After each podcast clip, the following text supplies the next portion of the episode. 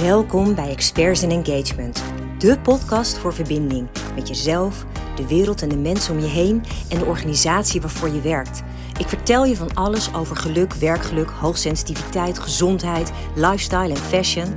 Laat je inspireren en maak van geluk je lifestyle. Volg ook ons platform expertsinengagement.com voor leuke artikelen en een flow aan positiviteit. Welkom bij weer een nieuwe aflevering. En deze aflevering heeft een, vind ik, wat trieste aanleiding, maar heeft een ontzettend belangrijke boodschap eigenlijk in zich. Ehm, de aanleiding gaat erover dat uh, ik afgelopen weekend samen met uh, Jurian en Dennis uh, op bezoek was bij een paar vrienden van ons. En onze vrienden hadden een, een vriendinnetje van hun dochter te logeren. En ongelooflijk lief meisje. Uh, wel pittig in de ADHD, maar gewoon echt onwijs lief kind. En nou, Julian en, en uh, hun dochter en het meisje gingen samen spelen, spelletjes doen, lekker buiten spelen. En nou, dat eigenlijk gewoon heel erg naar hun zin. En nou, de tijd ging een beetje, we hadden lekker gegeten met elkaar en uh, we gingen een film kijken. Um, en nou ja, hè, halverwege de film blijkt dan dat het voor haar best wel lastig was om uh, met haar ADHD die focus te houden. Niet zo vreemd natuurlijk, want ja, dat is natuurlijk ook wel een, een onderdeel, is dat het heel erg lastig is om dan heel lang ja, stilgefocust een film te zitten kijken. Dus dat is natuurlijk helemaal niet zo vreemd. Alleen toen gebeurde er iets en dat raakte ons zo ongelooflijk hard. Het was namelijk zo dat ze op een gegeven moment um, zei um, dat ze dus maar heel erg lastig is. Um, dat ze dat dus niet kan. dat ze zo ongelooflijk wild is. En het, het, het moeilijkst was dat ze steeds zei: Ja, mijn vader en moeder zijn me zat. Ik ben veel te wild. En ze vinden me lastig. En wij probeerden ook echt tegen haar te zeggen: van, je bent helemaal niet lastig. En uh, we vinden je gewoon vooral heel erg gezellig. We vinden het leuk dat je erbij bent. Um, en natuurlijk is het voor jou lastig om die film af te kijken, maar dat is helemaal geen probleem. Ga lekker spelen. Hè, um, ja, doe even waar jij blij van wordt. En ja, we hebben daar eigenlijk nog heel erg daarna veel over, uh, over gepraat. Van jeetje, wat, wat doet dat met zo'n meisje? Als je dus continu thuis dan van je ouders te horen krijgt dat je lastig bent. En dat ze je zat zijn. Dat ze je te wild vinden. Dat is toch ongelooflijk triest als dat is wat jij als meisje van negen continu mag ervaren.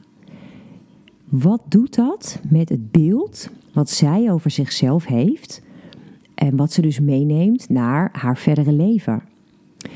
En ik besefte dat ik het eigenlijk wel heel erg belangrijk vond om daar een uh, aflevering aan te wijden. Omdat woorden, woorden die wij uitspreken, zo ongelooflijk veel kracht en macht hebben. Zo enorm veel invloed kunnen uitoefenen op hoe iemand zich voelt, op hoe iemand naar zichzelf kijkt, op hoe iemand naar het leven kijkt. En ik dacht, ja, ik vind dat eigenlijk wel een hele um, belangrijke om daar eens bij stil te staan.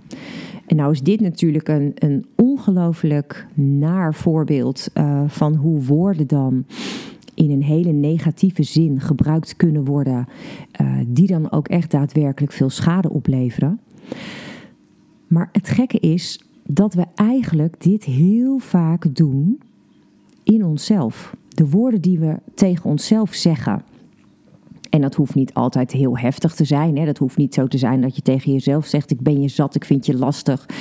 Uh, hè, of uh, de, die, die innerlijke criticus, waar we natuurlijk allemaal wel last van hebben.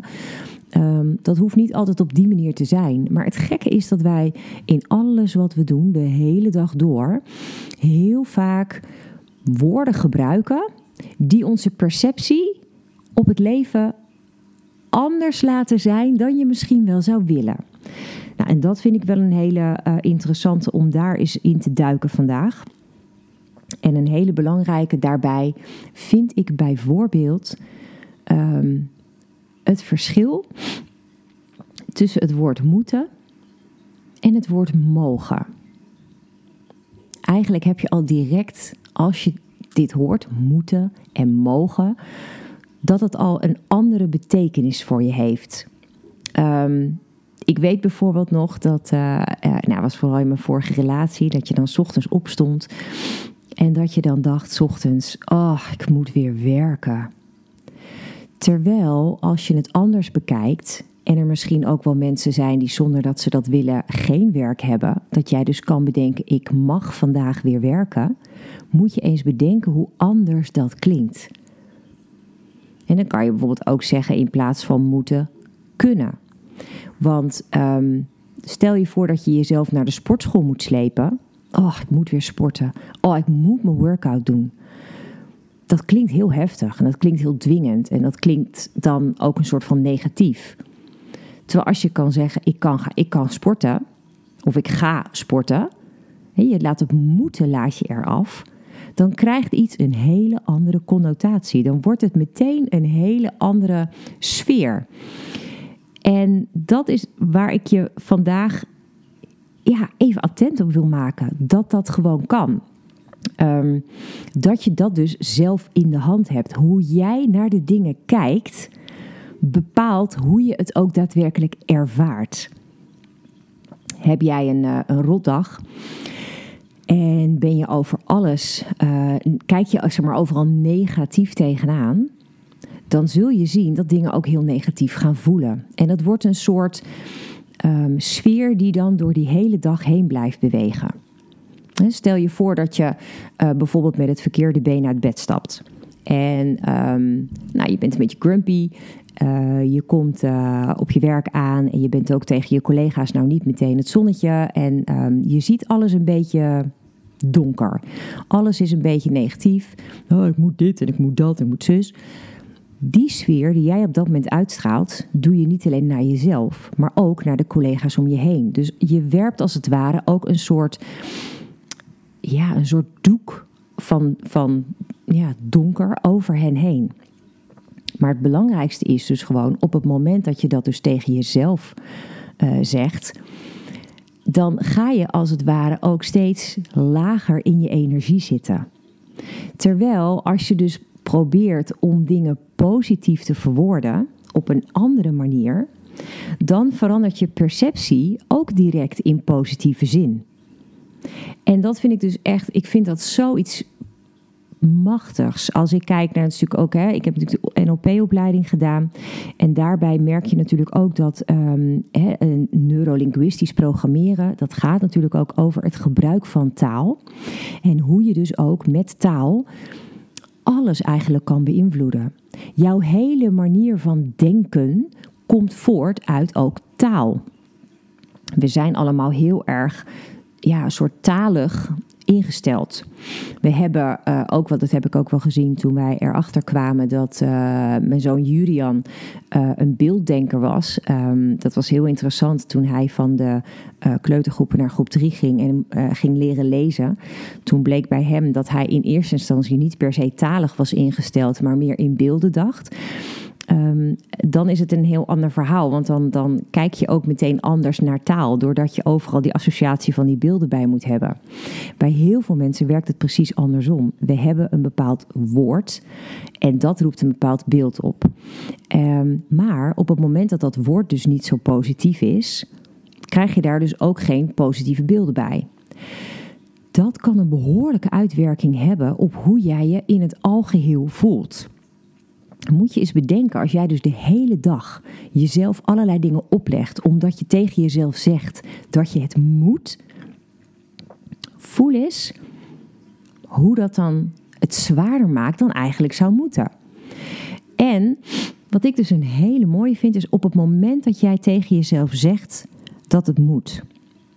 Bedenk dan eens of er iemand zou kunnen zijn die met jou zou willen ruilen op dat moment. Wat ik net zei bijvoorbeeld over dat werken. Ach, ik moet weer werken. Misschien is er wel iemand die heel graag met je zou willen ruilen. dat, dat die denkt, je mag werken, want het is iets heel moois. Je hebt gewoon een baan waar je voor betaald krijgt. Je hebt een baan waar je voldoening uit haalt. Je hebt een baan waar je leuke collega's hebt. Waar je een sociaal leven opbouwt. Maar dat kan ook gelden door bijvoorbeeld te denken... oh, ik moet met mijn auto naar de wasseret, want dat ding is echt smerig. Dan kan je ook denken, moet. Iemand anders denkt misschien wel, ja, jij hebt tenminste een auto. Je mag voor je auto zorgen. Het is ook zo'n ding, hè? als je kijkt naar heel veel mensen die vinden dat ze in hun dagelijks leven zoveel moeten. Wij vrouwen, oh, wij zijn verschrikkelijk hierin. Wij leggen altijd die lat voor onszelf heel erg hoog. En vinden dan ook dat we overal verantwoordelijk voor zijn. Nou, de vraag is: is dat ook waar? Ben je ook overal verantwoordelijk voor? Of zou je daar ook heldere afspraken in kunnen maken, hè, waardoor je ook misschien bepaalde taken kunt delen? Maar als je het bijvoorbeeld hebt over je kinderen en je zou zeggen: ja, ik, ik moet zorgen dat mijn kinderen te eten hebben. Wees dan ook dankbaar dat jij degene mag zijn die voor je kinderen mag zorgen. Het is helemaal geen kwestie van moeten. Kinderen zijn een rijkdom. Op het moment dat jij een kind op de aarde hebt mogen zetten, dat alleen al is iets wonderlijks. Want dat gebeurt ook gewoon niet voor iedereen. We zijn vaak zo geneigd om veel dingen vanzelfsprekend te zien. Op het moment dat we er gewoon anders over gaan nadenken en we gaan zien dat het misschien wel iets heel moois is wat ons overkomt of wat we hebben in het leven, dan ga je dingen ook meteen anders verwoorden. En ik ben de eerste om toe te geven dat ik heel vaak van mezelf van alles moet. En ik heb ook al mensen gehad in mijn leven die zei: Ja, maar wat nou als je dan gewoon zegt, maar het mag. Weet je, ik, ik heb bijvoorbeeld heel vaak gezegd, dan heb ik natuurlijk bij Elmo, um, waar ik heel erg aan gewerkt heb, zijn allemaal van die beperkende overtuigingen die ik had. Allemaal van die gedachtepatronen die voortkomen uit mijn verleden. En waarbij ik ja, dacht dat het me vooral heel erg belemmerde. Dat was ook echt zo, want ik was heel erg in bepaalde dingen gaan geloven die helemaal niet per se de waarheid waren. Um, en ik wilde daar gewoon heel erg graag aan werken, omdat ik dacht, het, het, het houdt me letterlijk tegen, het houdt me klein. En toen heb ik ook tegen mezelf gezegd, oh ja, ik moet daaraan werken.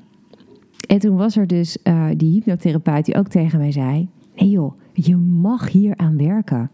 Voel eens hoe bijzonder dat is dat jij hieraan mag werken. Jij hebt voor jezelf bepaald dat je dat wilt. dat is iets positiefs.